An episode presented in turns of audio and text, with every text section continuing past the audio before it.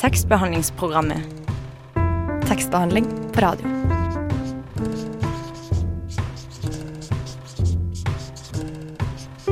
Tekstbehandlingsprogrammet.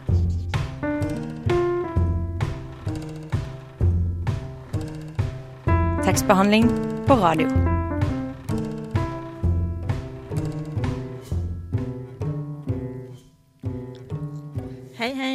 Velkommen til nok en utgave av tekstbehandlingsprogrammet her på Radio Nova. I dag får vi besøk av Fredrik Svindland, som har debutert med romanen 'Pelargonia'. Vi skal også få høre litt fra da Knausgård og Mars møttes på Kulturhuset, i tillegg til en anmeldelse av Linnea Myhres siste roman 'Hver gang du forlater meg'. Vi har altså mye spennende i vente. OK, jeg starter rett etterpå. Eh, Jeg heter Stine, og med meg i studio har jeg for første gang deg, Johanne. Hei, hei. Hei. Eh, Du er ny i tekstbehandlingsprogrammet, og jeg tenkte at for at eh, både vi og lytterne skulle bli litt mer kjent med deg, så tenkte jeg liksom å stille et par spørsmål. Eh, Så først lurer jeg på om du kunne fortelle meg hva slags bøker du liker å lese.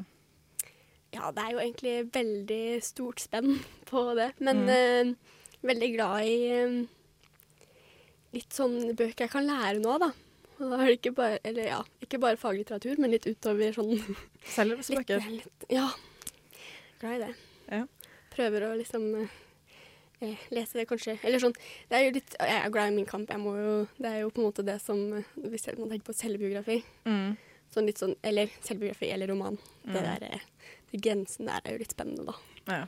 Men uh, ellers så er jeg veldig glad i egentlig veldig mange norske menn, har jeg funnet ut. Sånn der, Hvis jeg tenker over det, så er det liksom Jan Kjærstad. Begynt å lese litt. Det tar litt tid å lese han, men det er veldig verdt det. Og Lars Saabye Christensen er kanskje på topp. Mm. Har du noen guilty pleasures, da? Ja, det er jo en del der òg, egentlig. Det er jo kanskje Det første jeg tenker på, er jo Game of Thrones. Jeg leser det på engelsk, så det er på en måte ikke så høyt. Det er ikke så guilty pleasure, liksom. Nei, jeg leste det på norsk, og det syns jeg er helt er forferdelig flaut. Det er ille, Stine. Var kjempe, å, det er så flaut. Jeg burde ikke ha sagt det. Nei, ikke sant. Det er faktisk det er ganske ille. Nei, men eh, det er, det er på en måte Det er jo, det er jo morsomt, liksom. Det er artig å lese. Og så er jeg også en guilty pleasure. Jeg vil si Dan Brown er litt guilty pleasure. Ja. Men veldig Jeg har lest alt. Han Ja, spennende. Er det favorittforfatteren din, da? Det er Altså, kanskje det er Dan Brown? Nei, det kan det ikke være det. Det kan ikke være det. Nei. Det er originalt, da. Det Om ikke er annet. litt flaut og originalt. Ja, i denne Nei, jeg kan ikke si det. sånn. Det er ikke det. Jeg lover. Det er Nei. Har du en favorittbok da, som du ikke er flau over? Um, ja, jeg, sånn Bibelen, kanskje. Jeg er litt usikker på om du tuller eller ikke, men det er greit. Så jeg føler at vi har blitt litt bedre kjent med deg, i alle fall. Ja. Eh, og nå skal vi faktisk høre et innslag som du har laga for litt siden. Mm. Det var da Knausgård og Mars møttes på Kulturhuset for å diskutere boka til hjernekirurgen Henry Mars. Mm.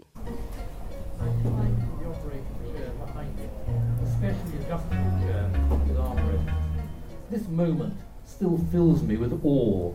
I've not yet lost the naive enthusiasm with which I watched that first aneurysm operation 30 years ago. I feel like a medieval knight mounting his horse and setting off in pursuit of a mythical beast. And the view down the microscope into the patient's brain is indeed a little magical, clearer, sharper, and more brilliant than the world outside. The world of dull hospital corridors and committees and management and paperwork and protocols. There isn't.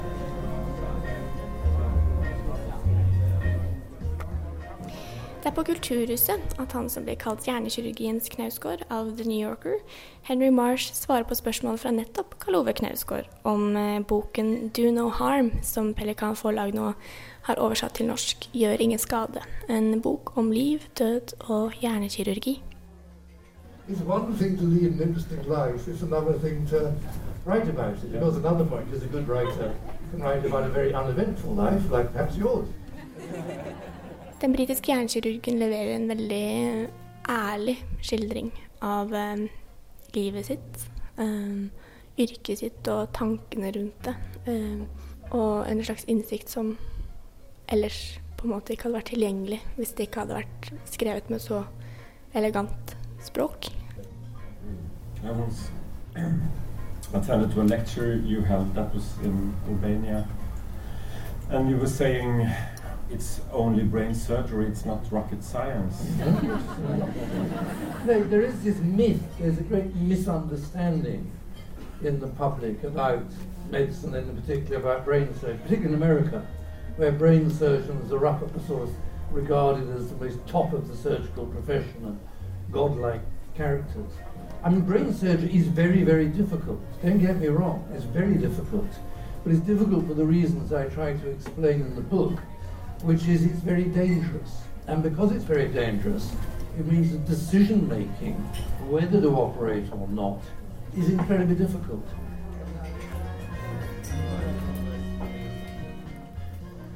You're not only a brain surgeon, but you're also a writer, and I thought maybe you could read uh, a bit of your Yeah. part of your book. Modern binocular operating microscopes are wonderful things, and I'm deeply in love with the one I use, just as any good craftsman is with his tools. It cost over £100,000, and although it weighs a quarter of a ton, it is perfectly counterbalanced. Once in place, it leans over the patient's head like an inquisitive, thoughtful crane. The binocular head, through which I look down into the patient's brain, floats as light as a feather on his counterbalanced arm in front of me, and the merest flick of my finger on the controls will move it. Not only does it magnify, but it illuminates it as well with a brilliant xenon light source.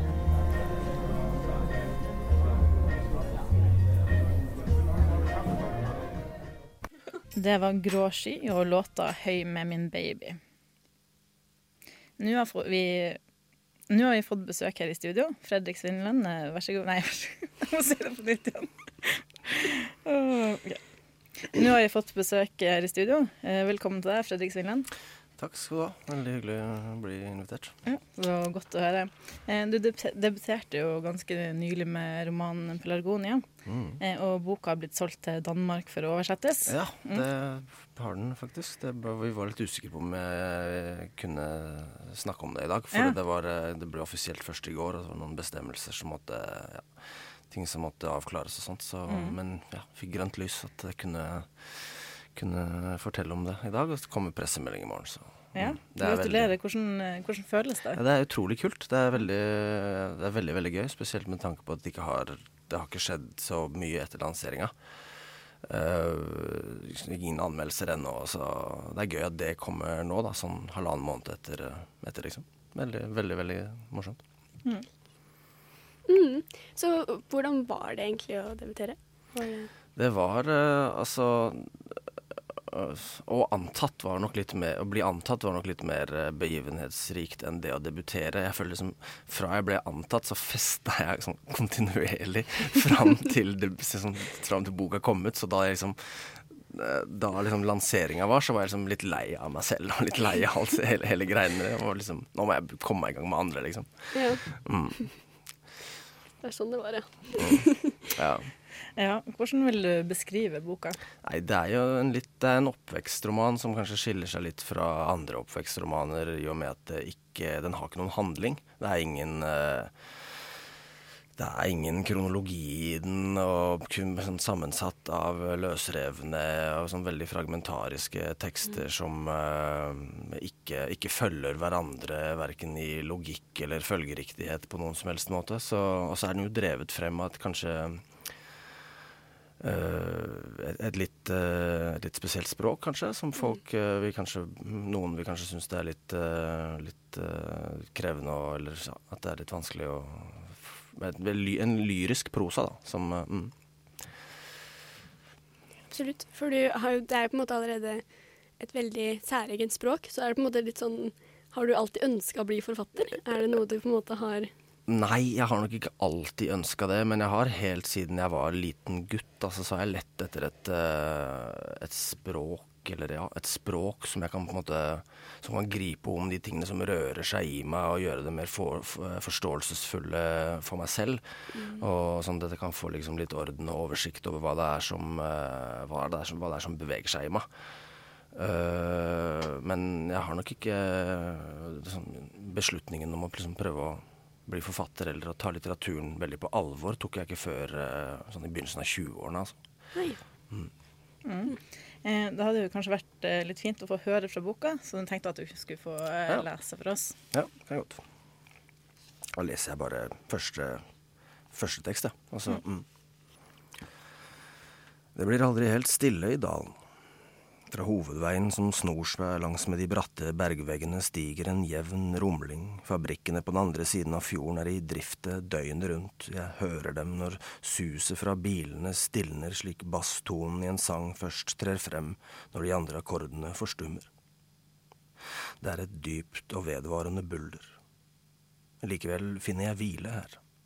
De små nyansene, den urolige røde tegnten man ser på himmelen om nettene noen ganger, en irritasjon i skyene og gatene som er oppkalt etter ingen, bare planeter, galakser, stjernebilder, det er som om alt som skjer her, skjer for første gang. Selv landskapet synes overrasket ved de små store hendelsene, trærne sukker, knausene trekker på skuldrene, de venter til det går over. Alt stort og smått som skjer, får lov til å være så høytidelig som vi selv føler det. Det er ingen historie her å rette forestillingene sine etter, bare rekken med hverdagslige øyeblikk, det umiddelbare som utløses i alle ting, liksom det finnes en rettferdighet i det som gror, i det som slipper, i det som speiler seg. Jeg gjør denne kraften til min. Jeg gir meg selv de samme lovene. Jeg børster vekk skrukketroll fra mørket under dørmatten, jeg samler kongler som har skjellene lukket, jeg kjenner den uforgjengelige styrken som skriver seg fra de tonene, som fra solen som henter kraft fra sin egen kjerne, som spiser av seg selv uten å forminskes. At denne perioden skal bli så betydningsfull for meg, at jeg kan gå tilbake og kjæle med den slik, gang på gang, uten å pine den ut, det er bare smerte man kan gjøre sånt med. Det er bare den som fornyer seg på det viset. For det finnes også en annen glød, og den skal brenne hull i meg en dag.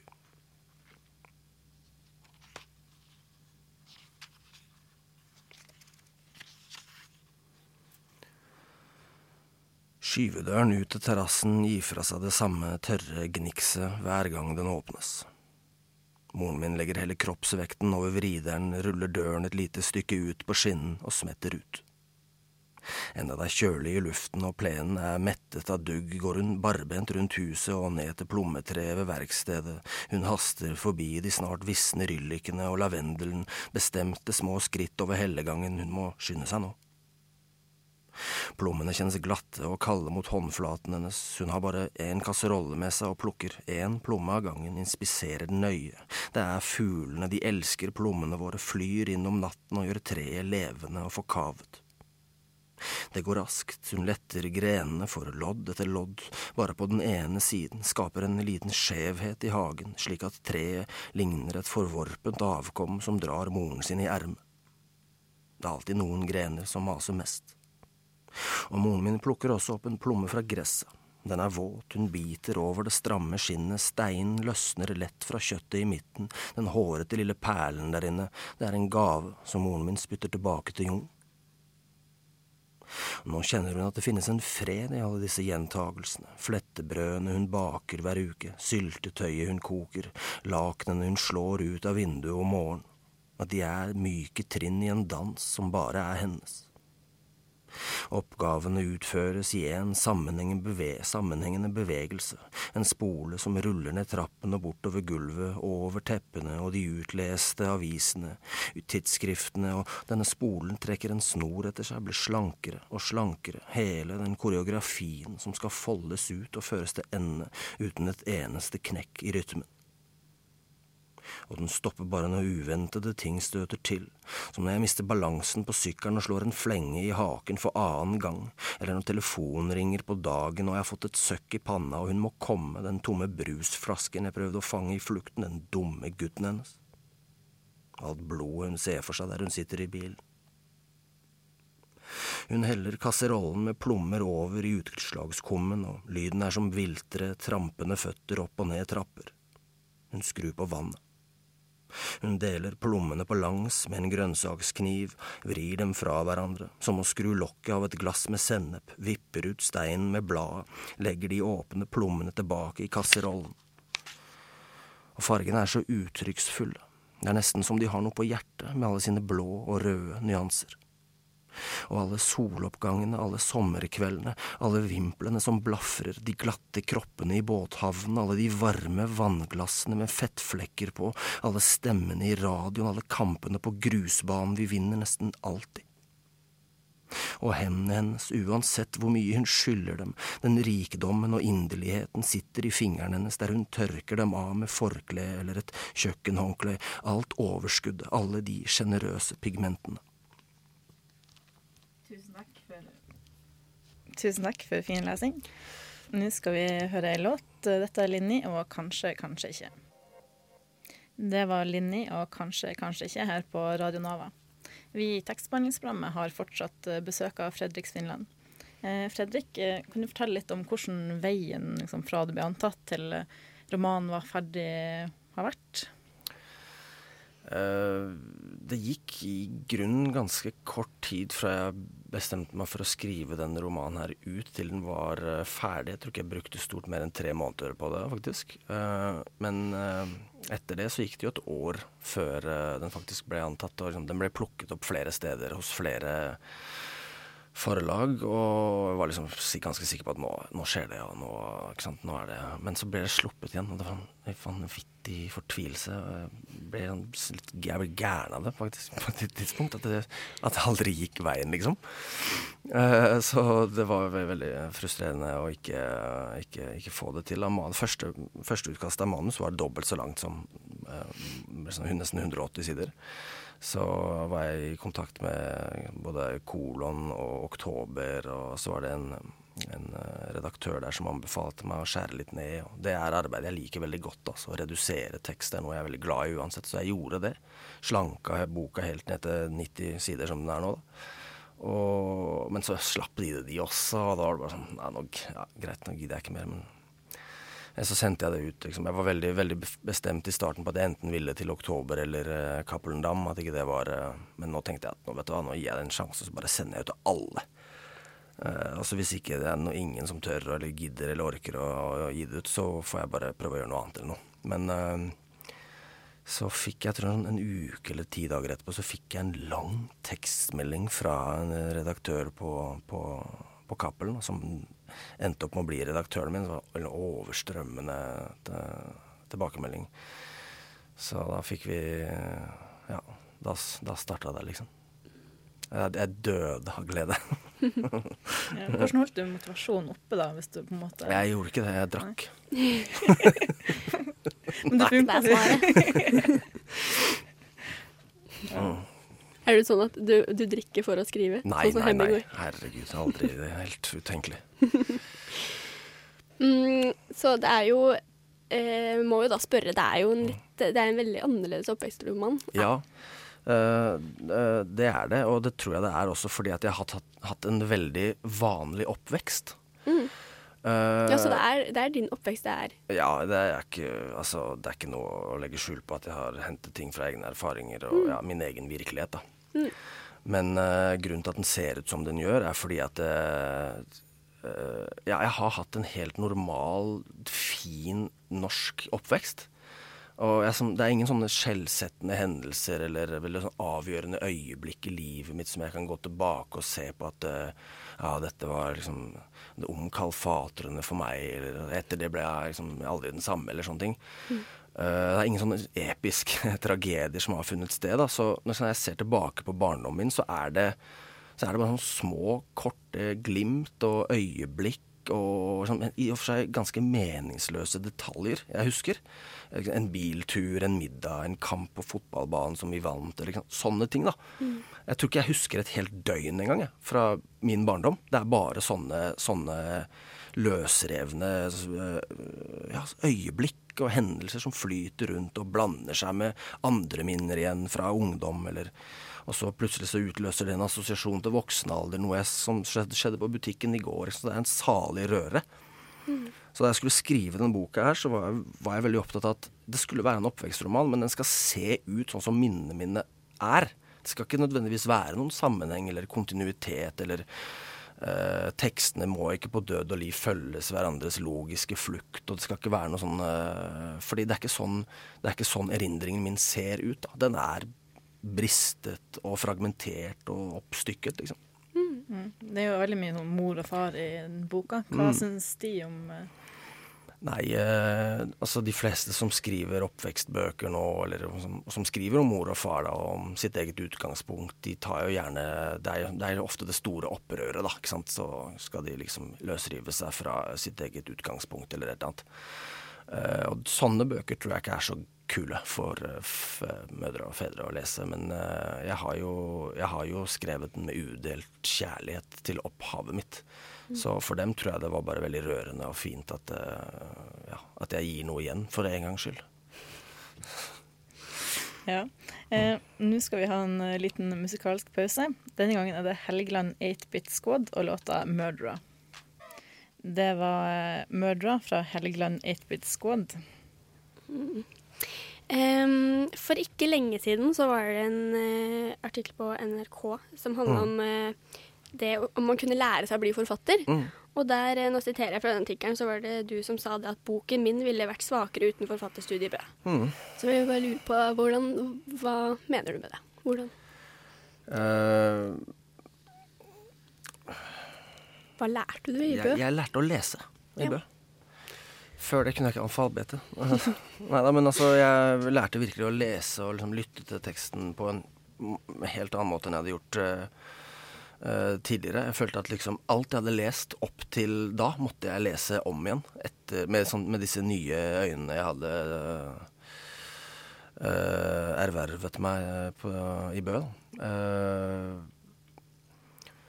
jeg følte at liksom hele hele mitt litterære grunnsyn var basert på en slags eh, misforståelse eller noe sånt. At uh, er det sånn man må liksom eh, tilnærme seg tekst? Og det var, en, det var en utrolig stor ressurs for meg. Altså en, og en gedigen oppdagelse.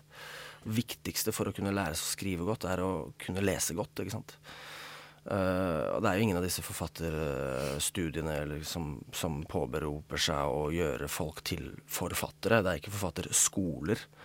Eh, det, er, ikke- er pølsefabrikker vi snakker her om, liksom. Så kommer man dit med potensialene sine og talentene sine, og så eh, Noen har kanskje bedre forutsetninger for å starte i gang et forfatterskap eh, senere, men for, meg var det i hvert fall veldig veldig fruktbart å gå der. Altså, og, de teknikkene jeg lærte eh, det året. Mm. Når du var ferdig der, da, var du overbevist om at uh, du kom til å bli forfatter? Nei, jeg har aldri hatt dårligere selvtillit noen gang enn etter det. For som, som sagt, jeg følte at liksom alt jeg noen gang hadde Alt jeg hadde bygd opp fram til det, var sånn basert på en slags misforståelse. At jeg måtte liksom gjøre alt om igjen og starte helt uh, fra scratch. da. Noe jeg i og for seg også gjorde. altså. Det var eh, et ganske omfattende arbeid i de, de tre-fire årene etter det, hvor jeg liksom ja, leste sykt mye. Eh, skrev, prøvde å skrive var som, måtte tilnærme meg språket og litteraturen på en helt annen måte. Veldig varsom og ikke fullt så eh, Ikke fullt så brautende, kanskje, som, som tidligere. Mm. Nå tenkte jeg at eh, vi kanskje ville høre deg lese enda litt mer fra Ja. boka.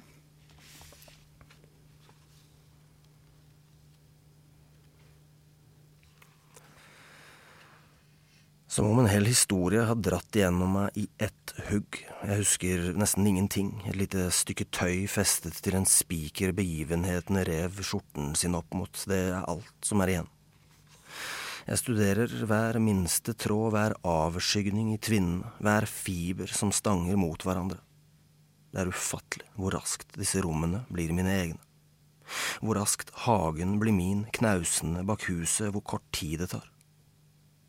Med moren min tar det lengre tid. Hun må føle seg fram, grave i jorden, kjenne at det er riktig. Det er en tillatelse hun trenger.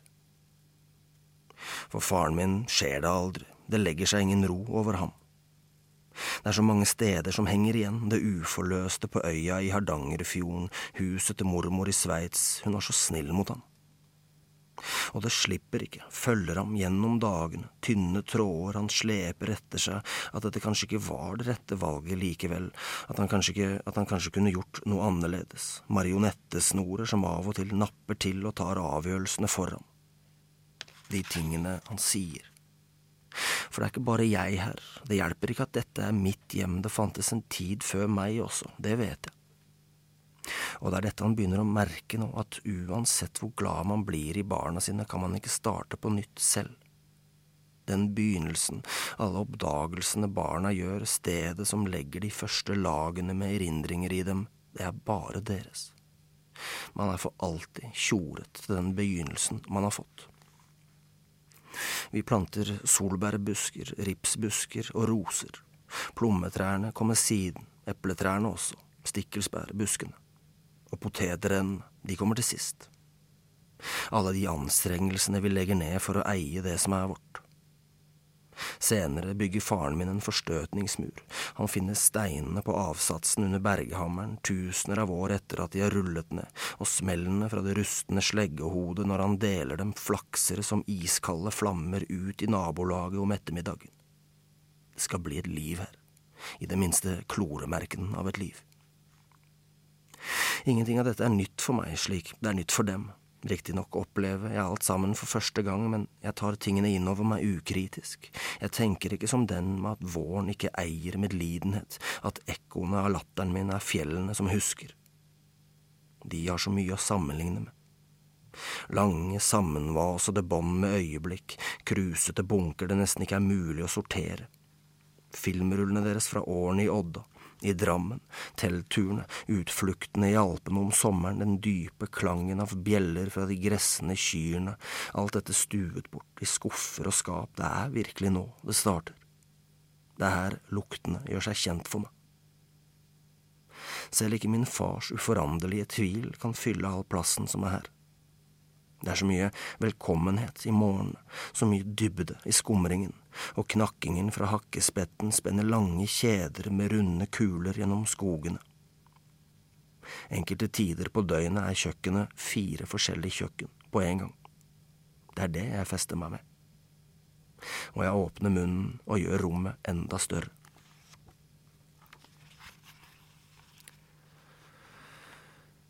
Jeg vet at når vi stiller oss i rekker på fotballbanen for å velge lag, er jeg den første som vil bli valgt. Jeg springer ned allerede tidlig om morgenen, før alle andre når målnettene ennå er stive av søvn, øver meg på å skyte, øver meg på å skru ballen, samarbeider med vind. Jeg vil kontrollere den luften som verker bak læret, den som allerede er fanget. Jeg prøver å temme ballen, gjøre den til en forlengelse av min egen kropp, legger den på vristen som et lydig lite dyr, heiser den opp i knehøyde, vipper den opp på pannen og prøver å balansere den, slipper den ned på låret og skyter stang ut. Jeg kjenner bevegelsene til alle kroppene jeg spiller mot, de ligger lagret i meg, jeg henter dem ut før de selv vet hva de skal gjøre, jeg bestemmer for dem. Jeg setter én legg foran den andre, drar den andre som ut av en støvel og smetter den inn foran den første, syr trinnene mine sammen på den måten, lager fire sting i gangmønsteret mitt. Jeg har ikke hjerte når jeg spiller. Hver villedende manøver er en finte ut av fobiene mine, hver bue jeg sender ballen i er en ligning som går opp. Det er så enkelt. Jeg kjenner alle senkninger, alle humper i alle baner jeg noen gang har spilt på, også de ligger forvart i meg, en stabel med topografiske kart, jeg slår dem ut som pent sammenbrettede håndduker i servantskapet på badet hjemme, de grønne, de lilla, de hvetebrune. Støvet som virvles opp, er min eneste attest. Tusen takk for det. Nå skal vi høre låta 'Turist i eget liv' av Trist pike. Det var Trist pike og Turist i eget liv. Her i tekstbehandlingsprogrammet så snakker vi fortsatt med forfatter Fredrik Svinland om debut, debutromanen 'Pelargonia'. Um, boka er huset så handlingsdrevet som du var inne på tidligere. Mm. Den er jo prega av liksom, skildringer og drevet av språket. Mm. Uh, har du alltid skrevet på den måten? Nei, jeg har ikke det, altså. Uh, jeg prøvde, jeg prøvde, meg noen år på å skrive en konvensjonell, eller en klassisk roman, da, med struktur og uh, karaktergalleri og alt som følger med. Og det, det førte ikke frem, altså. Ole Robert Sunde sa en gang til meg at du må skrive strengt og borgerlig. Og han, han sa vel det til meg på et tidspunkt hvor jeg var veldig uh, åpen og mottagelig for inntrykk og impulser, så jeg prøvde en stund på det, altså. Men det ble altså det, det, det var ikke Det bar ikke frukter, for å si det sånn. Så da jeg liksom bestemte meg for å skrive den boka her på den måten den jeg skrev den på, så var det liksom en utrolig frigjørende følelse, altså. Som liksom Nesten som å komme ut av en for trang dress, liksom. Nå bare gjør jeg den på, på mine egne premisser.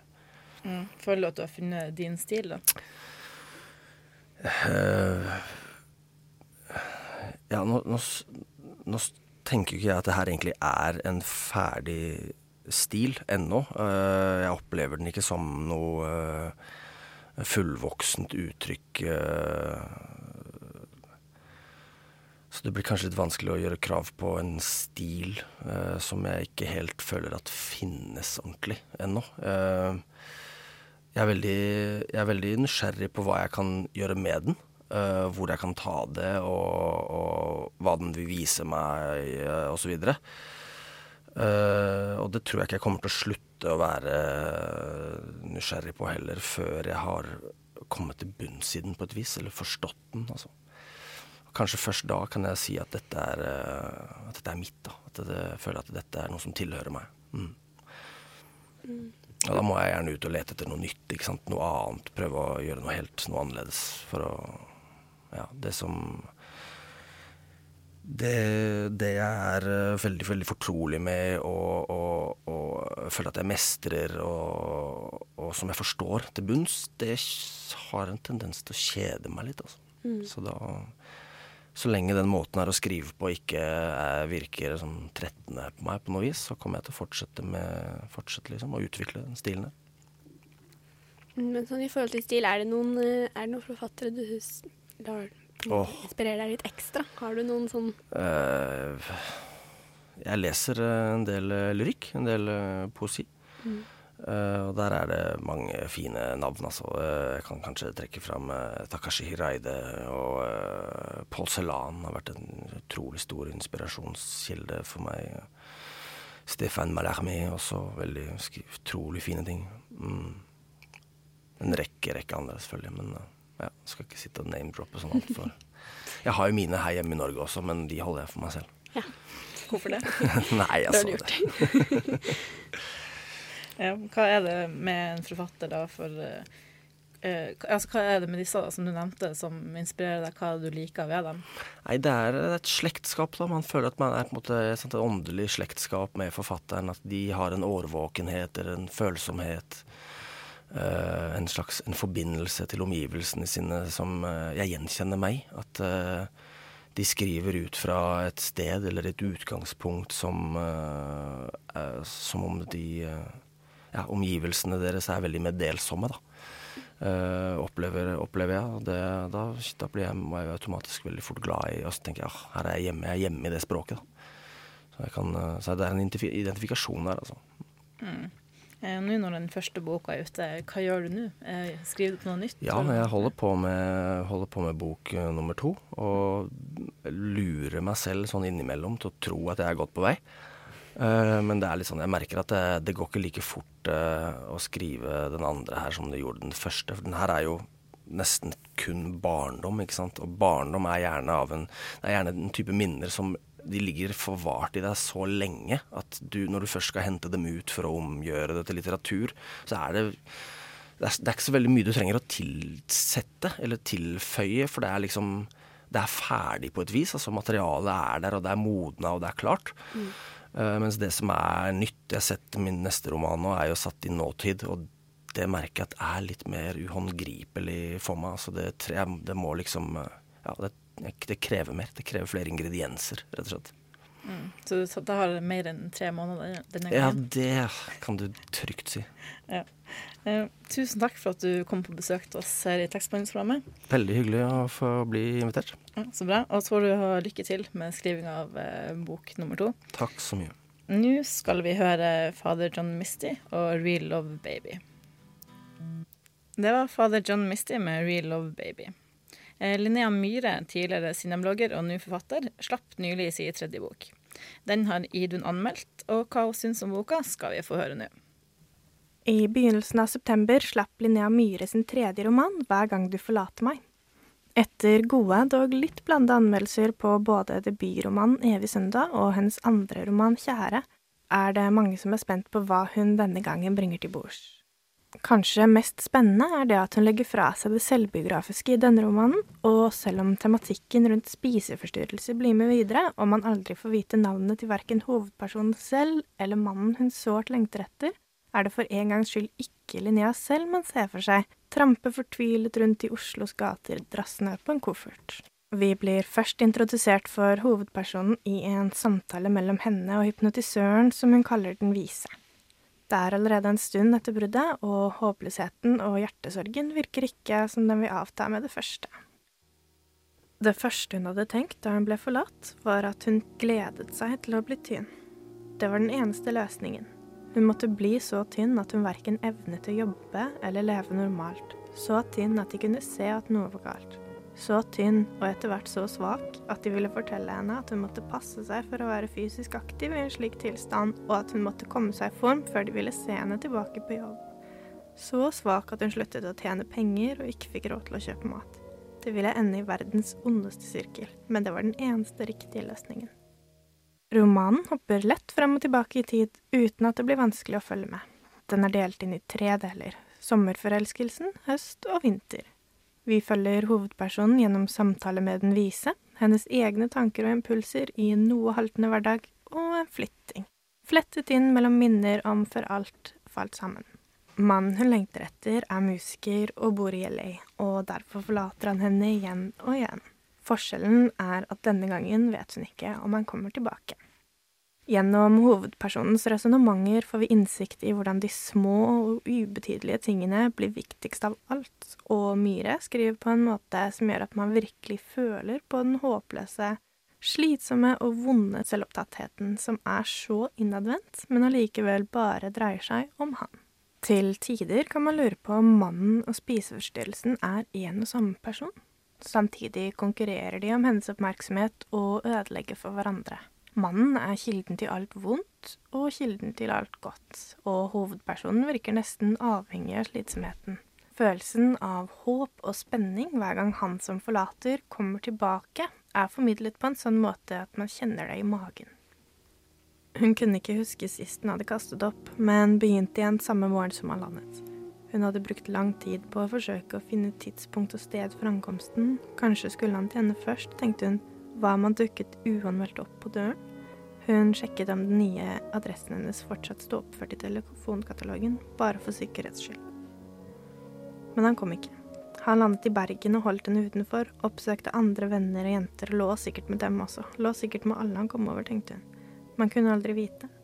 Hun måtte passe på å være mest mulig hjemme de neste dagene likevel bare i tilfelle. Dagene gikk, men han holdt seg i Bergen. Han anerkjente ikke hennes eksistens, og hun forsto det ikke.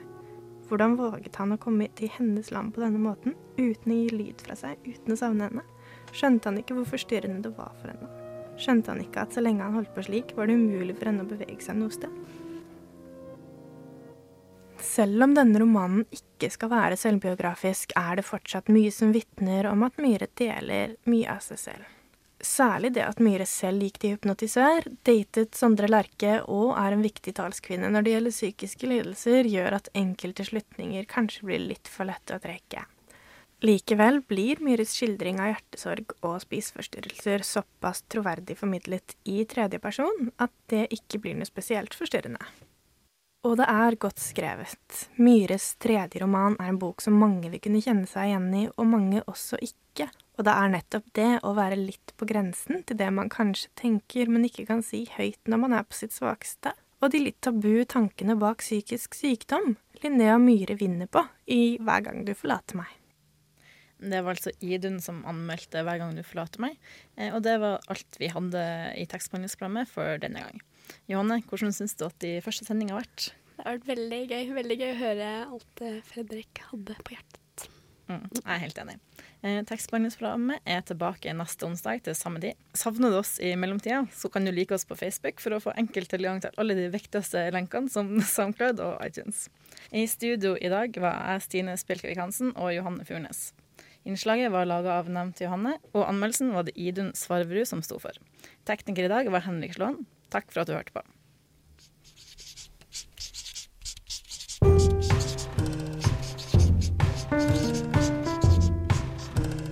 Tekstbehandlingsprogrammet. Tekstbehandling på radio.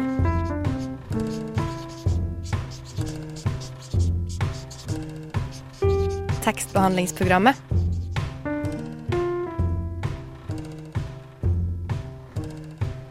Tekstbehandling på radio.